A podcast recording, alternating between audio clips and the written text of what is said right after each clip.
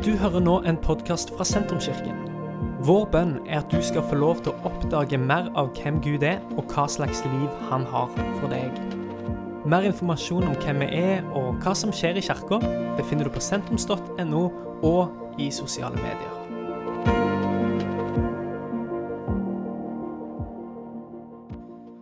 Eh, Denne måneden her handler om nærvær. Eh, Og når vi løfter fram nærvær, så er ikke eh, Så er nærværet som en tenker på, er Guds nærvær.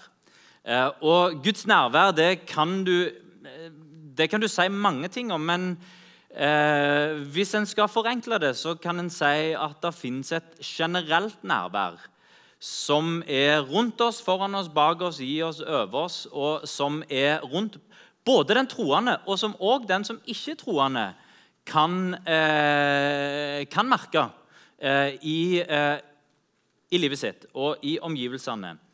Eh, og så har en det som er åpenbart nærvær der eh, Gud gjør noe ekstraordinært som gjør at eh, det er ikke bare det normale i meg, rundt meg, foran meg, bak meg, men det er noe som skjer foran øynene mine, eller noe som skjer i meg, som er så unikt og spesielt at Oi, her!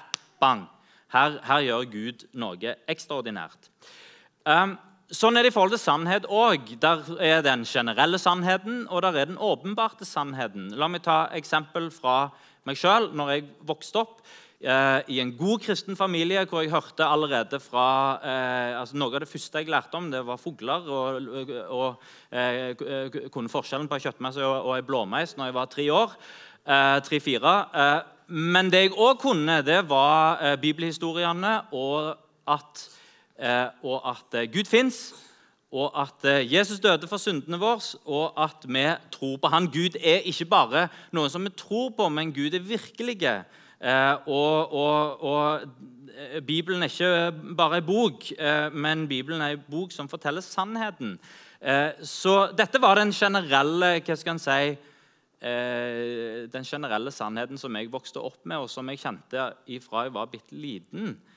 Men likevel så eh, skjedde det når jeg var 11 og eh, var på et møte eh, og hørte en taler si akkurat de samme tingene som jeg hadde lært hjemme, og som jeg hadde hørt mange ganger, men som akkurat den gangen ble litt mer enn bare en generell sannhet, for det eksploderte på innsida. Jeg forsto at å ja, når Jesus døde for synder, så døde han òg for sånne sånn 11 år, eh, gamle, 11 år gammel synder. Eh, altså med andre ord Det å gå og knekke av litt mer kokesjokolade enn det en hadde lov til. Eh, det å gå, og, uh, i, i, gamle dager så lå ofte, eh, så lå det ofte småpenger rundt telefonen. Eh, folk som da lånte telefonen, for det var dyrt å ringe når jeg vokste opp. Eh, folk som lånte telefonen og som la igjen 5 kroner eller 10 kroner. Eller, og til og med kunne en av og til være så heldig at en hadde lagt igjen en 50-lapp. Eh, så disse generelle pengene som da ligger rundt telefonen, og som eh, du som 11-åring tenker at de tilhører ingen, eh, de tilhører meg. Så disse småtingene, de, små, de der små løgnene, de der med å Du vet at du skal være hjemme til klokka fem, og så skrur du klokka tilbake 20 minutter. 'Å ja, nei, klokka er feil.' Eh, når en da kommer for seint. Altså, de, de, greiene der som en da lever med som 11-åring, og, så, og så forsto jeg at Å ja. Min lille løgn, min lille, eh, mitt lille tyveri Og dette tok Jesus på seg. Og Det som eksploderte skikkelig på innsida mi som 11-åring, det var når jeg forsto at hvis jeg var den eneste i hele verden som ikke fikk det til, så hadde Jesus gjort det han gjorde for meg. Og så var den generelle sannheten som jeg hadde oppvokst med, som jeg hadde lest om i barnebibel, og som mor og far hadde fortalt om, som jeg hadde hørt om på, på søndagsskolen, og som andre som jeg vokste opp sammen med, trodde på. Plutselig så var denne generelle sannheten noe mer enn bare generelt. Det eksploderte på innsida. Og så var det åpenbart sannhet. Og jeg bestemte meg. Jesus, jeg vil tro på deg, jeg vil følge deg, jeg vil tilhøre deg. Fordi evangeliet og hva Jesus hadde gjort, ble tydelig og åpenbart. Og vi, har, vi, ser i Bibelen denne her eh, vekslingen mellom det som er generelt, og det som er åpenbart. Når en eh, slår opp helt i begynnelsen av, eh, av første Mosebok, så ser en at alt var mørkt. Og så eh, står det at Guds ånd svevde over vannene. Og Det syns jeg er et fantastisk bilde på Guds generelle nærvær. Eh, alt er mørkt, men Guds ånd er der og svever over vannene. Og Så sier skapelsesberetningen, og så sa Gud det ble lys. Det ble lys, og så, puff, så ble det lys. Og Der har du det åpenbart. da. Eh, Guds ånd er til stede, men så taler Gud, og så skjer det noe. Så skrus lyset på. Salomo han innvier tempelet, og Gud er jo til stede i den innvielsen. Vi kan lese om dette i andre krønikerbok. Eh, så, så ber Salomo en en velsignelsesbønn for folket. Han ber til Gud, og så er Guds generelle nærvær der. Og så ser en at litt seinere står det at Herrens herlighet fulgte tempelet. Og Da vil de som var til stede, merke at å ja, men nå skjer det et eller annet. Vi kan kjenne det. Hvis vi hopper over til Nytestamentet, så vil vi se det samme med Jesus fram til Jesus blir døpt så står det om Jesus at han gikk fram i visdom og fikk velvilje med Gud og med mennesker. Det må jo være en fantastisk måte å vokse opp på. Gå fram i visdom og leve livet sitt på en sånn måte at en får velvilje både med folk eh, og med Gud. Men så skjer det noe i dåpen når da eh, Johannes står ved Jordan og han døper folk som kommer for å omvende seg fra syndene sine. Eh, og Han døper dem, og så kommer Jesus der og sier du må døpe meg òg. Johannes sier nei, det kan jeg ikke gjøre. Eh, jo, det må du gjøre for at all rettferdighet skal skje. Og Så blir Jesus døpt, og så står det at Den hellige ånd kommer over ham som ei due. Og Gud taler ifra sky... og, og Gud taler med en hørbare stemme og sier dette er min sønn, hør han. Etter det så skjer det noe. For det står at fylt av Den hellige ånd så gikk Jesus rundt i Galilea, og han gjorde under og han gjorde mirakler. Eh, så det var det åpenbarte nærværet. Og så ser vi at Menighetslivet er også sånn i, apostel, eh, i apostelens gjerninger. Det var en generell opplevelse av Guds nærvær. Står om at menigheten hadde nå fred over hele Judea og Galilea og Samaria. Den ble oppbygd, og den vandra i Herrens frykt. Og han vokste ved Den hellige åndens hjelp. Og der har en, eh, Sånn skulle jeg gjerne ønske at eh, vi levde hele tida. En levde i dette her generelle Guds nærvær, der en ved Den hellige ånds hjelp vokser og blir oppbygd og vandrer i Herrens frykt.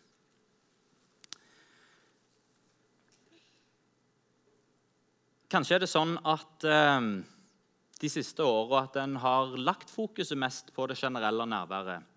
Det som er kobla til prosess, det som skjer over tid, det som er trygt, det som er forutsigbart, det som er en konstant tilstedeværelse. Det som sier at Gud er med meg uansett hvordan jeg føler. Eh, og det er for den som har eh, for den som har vært med på mye sånn opp og ned og hvor jeg eh, føler jeg Gud nå? Nei, det gjør jeg ikke. Hvor er Gud hen da?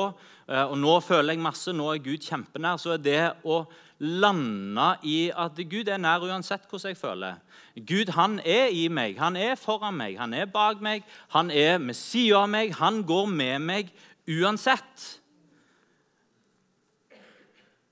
Gud er til stede på gudstjenesten fordi han har lovt å, Der det er to og tre som er samla i hans navn, der har han lovt å være til stede. Ja, men Da vet vi han er til stede, uavhengig av hvordan det føles. Og så vet vi at eh, disse prosessene, modningene, det er ting som skjer over tid.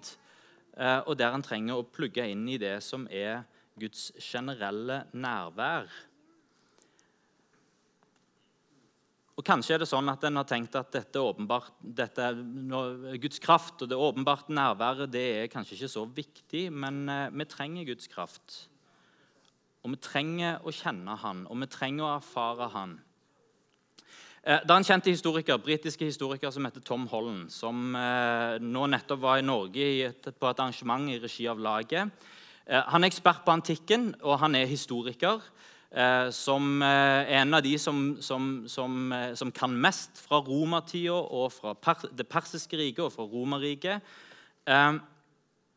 Og hans oppdagelse etter å ha studert antikken og blitt kjent med det antikke tankesettet, er hvor kristne vi er i vår måte å tenke på og vår måte å leve på i, i Vesten. Eh, og da Etter å ha studert kirkehistorie for, for, eh, og da blitt første og eh, hoppe inn i Romerriket og det persiske riket og da begynne å forstå hvordan perserne og romerne tenkte, og da begynne å se på seg sjøl og se at oi, ja, men jeg tenker jo ikke sånn som det. Og da finne ut at ja, men jeg tenker jo. Hvorfor tenker jeg sånn som jeg gjør? Jo, men jeg tenker jo som en kristen.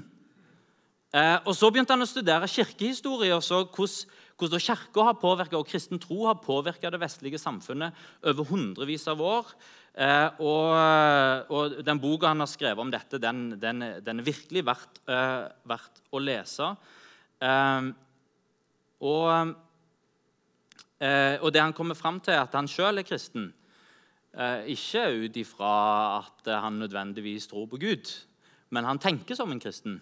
Eh, og, og, Hans påstand vil være at så godt som hver eneste vestlige person tenker som en kristen og har et kristent verdensbilde og et kristent verdisett.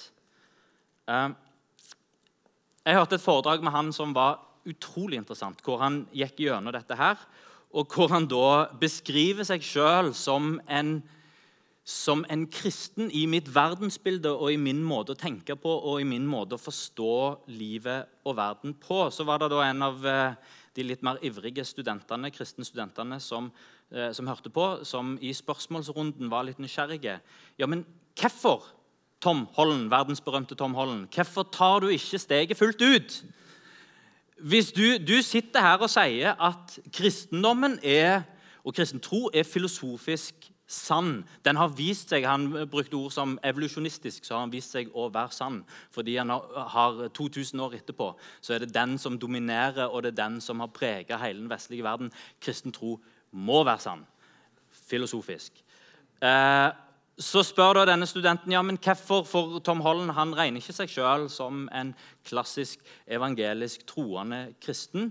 Ja, men Hvorfor tar du ikke steget ut? Hvorfor blir du ikke en kristen? Hvorfor, du, hvorfor bare dette her filosofiske? Hvorfor ikke the real deal?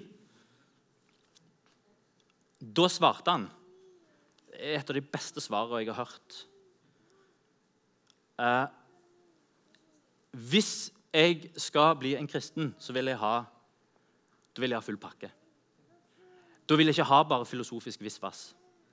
Jeg vil ikke være en vestlig, kjedelig kristen som bare tror med tankene mine. Jeg vil ha the real deal. Da eh, vil jeg ha, jeg vil ha eh, eh, engler og demoner.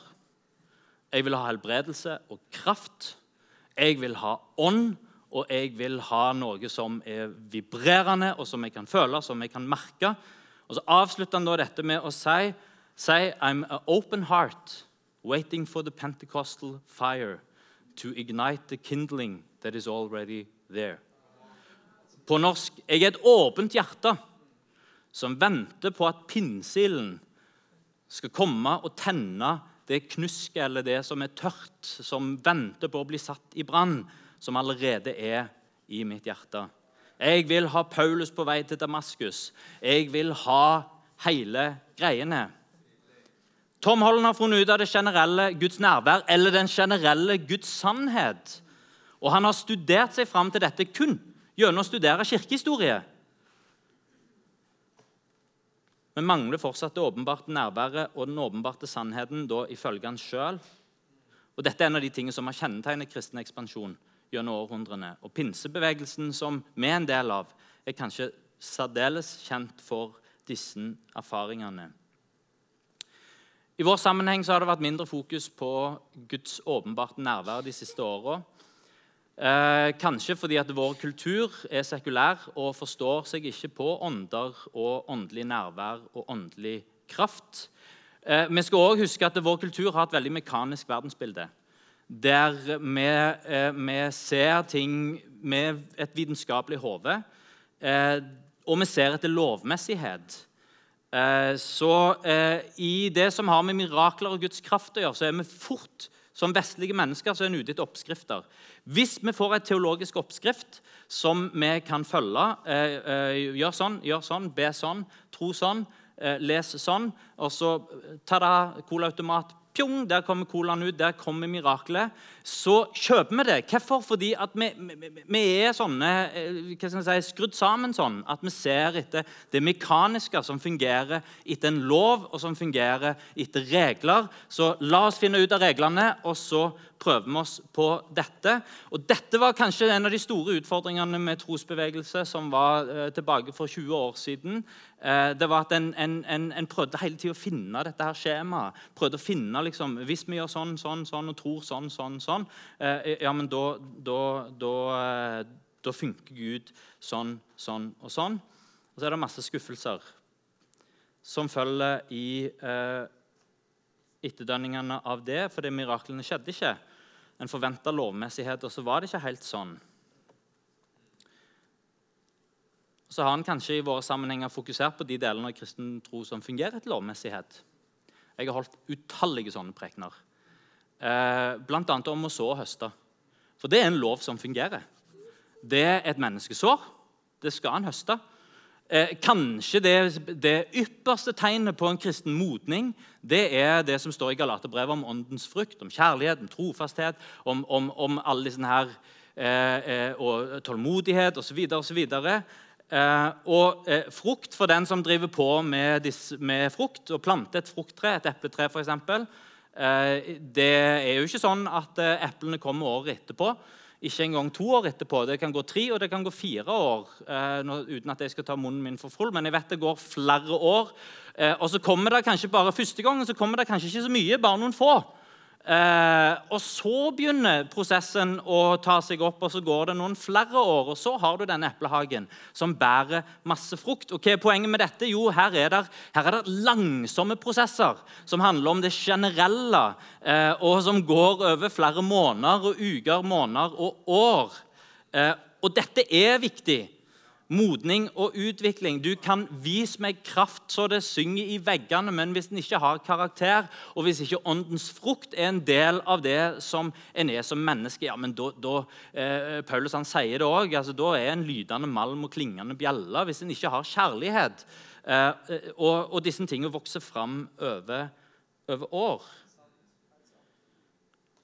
Så Blandingen av våre sekulære hoder, som sjelden forholder seg til åndelig virkelighet, Eh, skuffelser som overdrivelser og dårlig teologi eh, har gitt oss, og fornya fokus på de langsomme prosessene.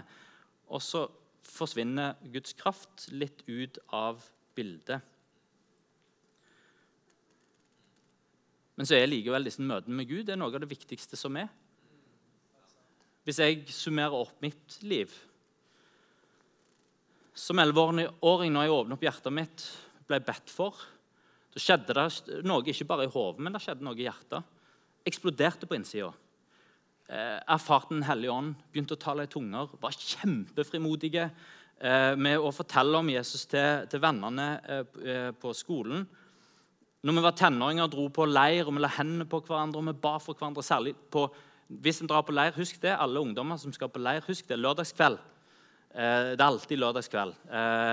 Det skjer sjelden noe på fredagskveld. Men lørdagskveld, da vet du da, eh, Det er akkurat som Gud har bestemt seg for at eh, på lørdagskveld på leir, da dukker jeg opp med mitt åpenbarte nærvær. Og det har skjedd på leir etter leir etter leir. etter leir. Lørdagskveld. Og Der vi har lagt hendene på hverandre og vi har bedt for hverandre og merket ja, ja, men Gud er her. Gjør noe inni meg. På bibelskolen jeg gikk på, det var ikke bare et generelt nærvær. På bibelskolen jeg gikk på, Det var virkelig kraft som sitra i veggene, og som forandra meg fra innsida og ut. Hva som var grunnen til det, ikke vet jeg. Kanskje var det forventningen min. Jeg hadde virkelig forventninger til det bibelskoleåret at Gud skulle møte meg. Kanskje var det den tida vi levde i. Kanskje var det folka som var samla der. ikke vet jeg, Men der var det virkelig et nærvær av Gud. Og når jeg ser tilbake på mitt liv, så ja, men alle disse her prosessene som en går, de er de viktige. Uten de, uten røttene, uten det som, som, som, som går fra dag til dag, ja, men da blir det jo ingenting. men uten stoppestedene, der Gud åpenbarer sin kraft, og der han gjør noe på innsida, så får en heller ikke det. En får liksom ikke skrudd på motoren.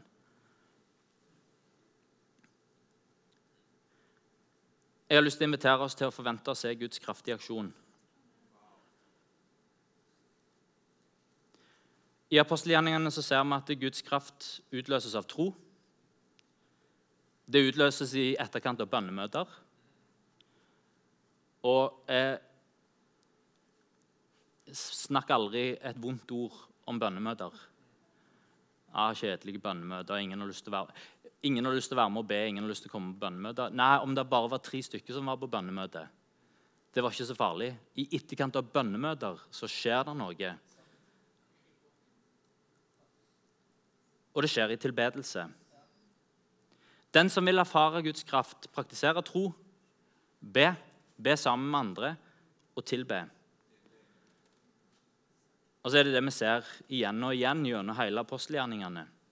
Bruk hendene. Den troende i hånd er en kobling mellom Gud og menneske. Den troende i hånd er en eh, Hva skal du kalle det? En eh, katalysator for Guds kraft, en formidler av Guds kraft. Og det har ingenting med den hånda å gjøre.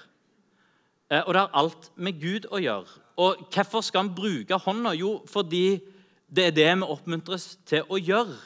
Bibelen oppmuntrer den troende til å bruke sine hender. Og Det som er typisk for eh, apostelens gjerninger, det kan vi lese i apostelens gjerninger 14, vers 1-3, når eh, Paulus kommer til Ikonium.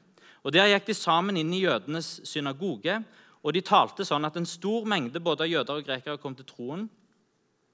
Men de jødene som ikke ville tro, egger opp hedningenes, eh, hedningenes sinn til fiendskap, fiendskap, mot brødrene.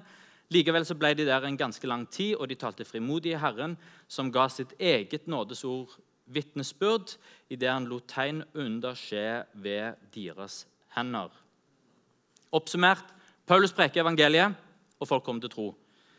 Eh, nummer to noen blir sure og lager problemer. Eh, nummer tre det er tegn og under som følger, og de skjer ved apostelens hender. Hånda er et berøringspunkt mellom Gud og menneske. Det er et mirakel. Jeg, altså, du kan se på hånda di og så kan du, så kan du tenke. Det er et mirakel i mi hånd. For mi hånd kan fungere som et berøringspunkt mellom Gud og mennesker.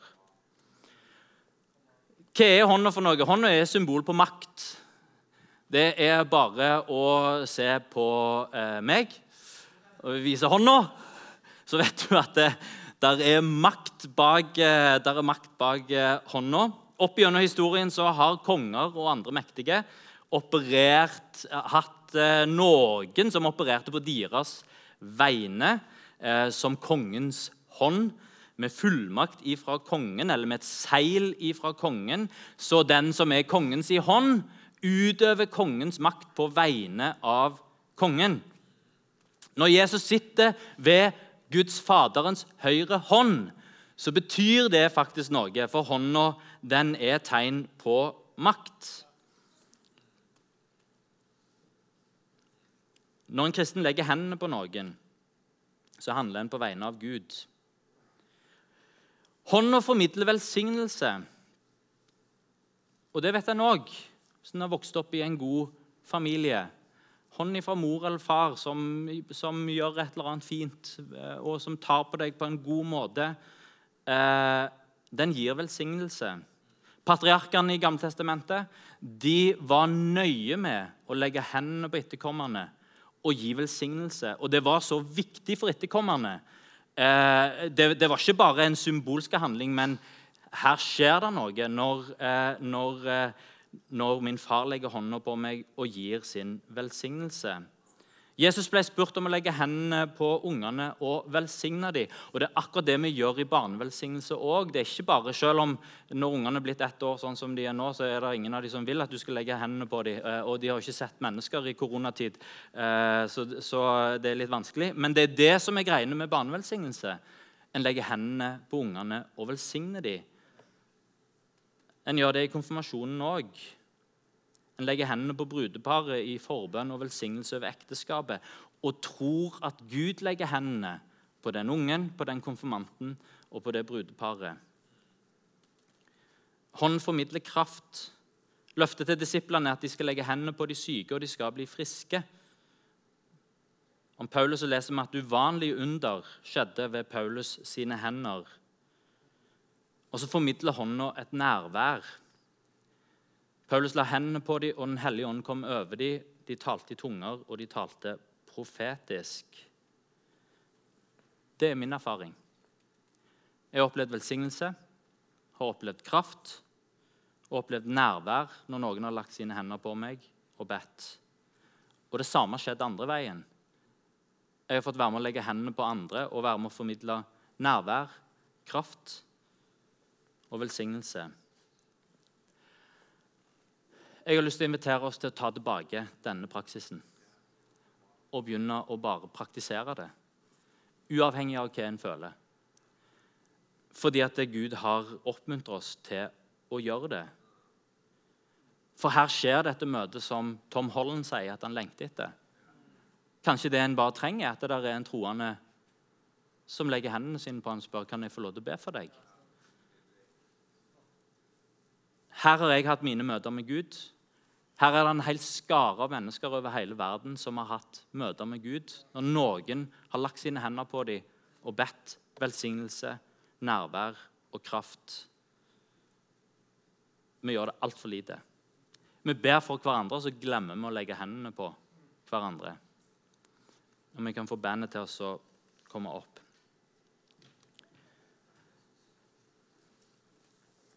Og jeg tror det som holder oss tilbake, er lovmessigheten vår. Ja, men da må det jo skje noe. Jo, men Hvis jeg legger hendene på noen det er jo nesten som at jo, men hvis det er sånn at Gud har lovt at vi legger hendene, da, men da skjer det. Og så vet jeg at ja, men jeg har lagt hendene på folk, og det skjedde ingenting. Ja, men da med andre ord, da gjorde jeg noe feil. Ok, jeg forstår ikke dette her. Jeg lar være. La oss legge vekk den lovmessigheten og så bare være trofast og handle på det som Gud inviterer oss til å handle om. Hva om det ikke skjer noe? Vet du hva? Å tilby sin forbønn og legge hendene på noen er omsorg. Min, eh, min gode venn misjonæren Tommy Naumann, som, eh, som sammen med kona Gunilla er misjonærer nede i Hellas og akkurat nå, Han, han er over 70 år nå og sier vel at eh, de har vært misjonærer siden begynnelsen av 90-tallet. Sier at det, har aldri vært så spennende å, være, eh, å tjene Gud som det er akkurat nå. Og de siste to åra har vært et eventyr for de der nede.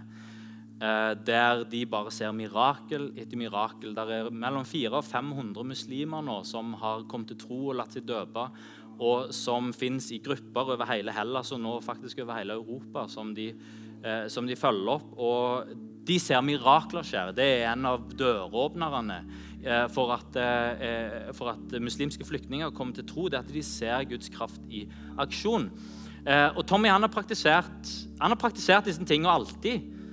og han, han, er ikke så nervøs, han heller. Så han fortalte meg om en gang han gikk i banken og skulle ta ut noen penger. og så følte han fikk et, et Han følte Gud talte til ham eh, der i banken om, om at, om at eh, hun bankansatte hadde, hadde noe problem med tommelen sin.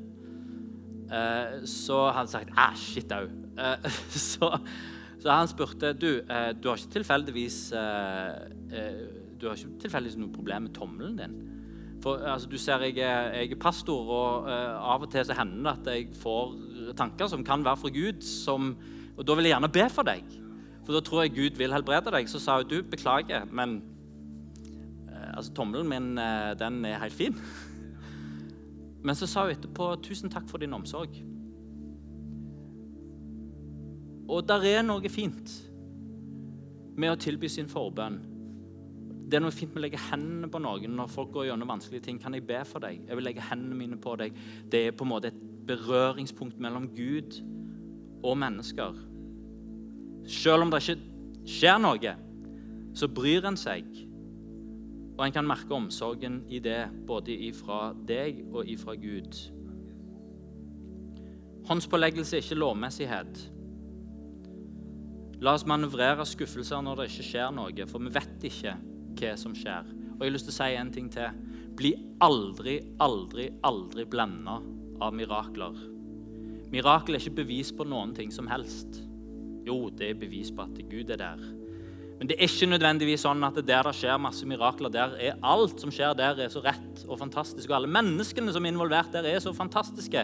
Det brenner en seg òg på. For det er, en, å ja, men det er jo bare vanlige mennesker. Faktisk var en del av de noen drittsekker som behandla meg dårlig. Eh, og så vekk med Gud og vekk med alt sammen. Fordi når det som har med Guds kraft å gjøre, der, der snakker vi om nådegave. Med andre ord ikke lovmessighet der. ok, Her har du den hellige personen sånn, som har levd sånn som dette her gjennom hele livet sitt. Gud eh, han, han, han, gir kraft til den som er den perfekte kristne. Også de andre som har litt å gå, de, de får ha litt å gå før de får oppleve det. Men Gud han hiver ut litt at will og gir nådegaver. Noen ganger til svært umodne mennesker med lite karakter og lite åndelig modenhet.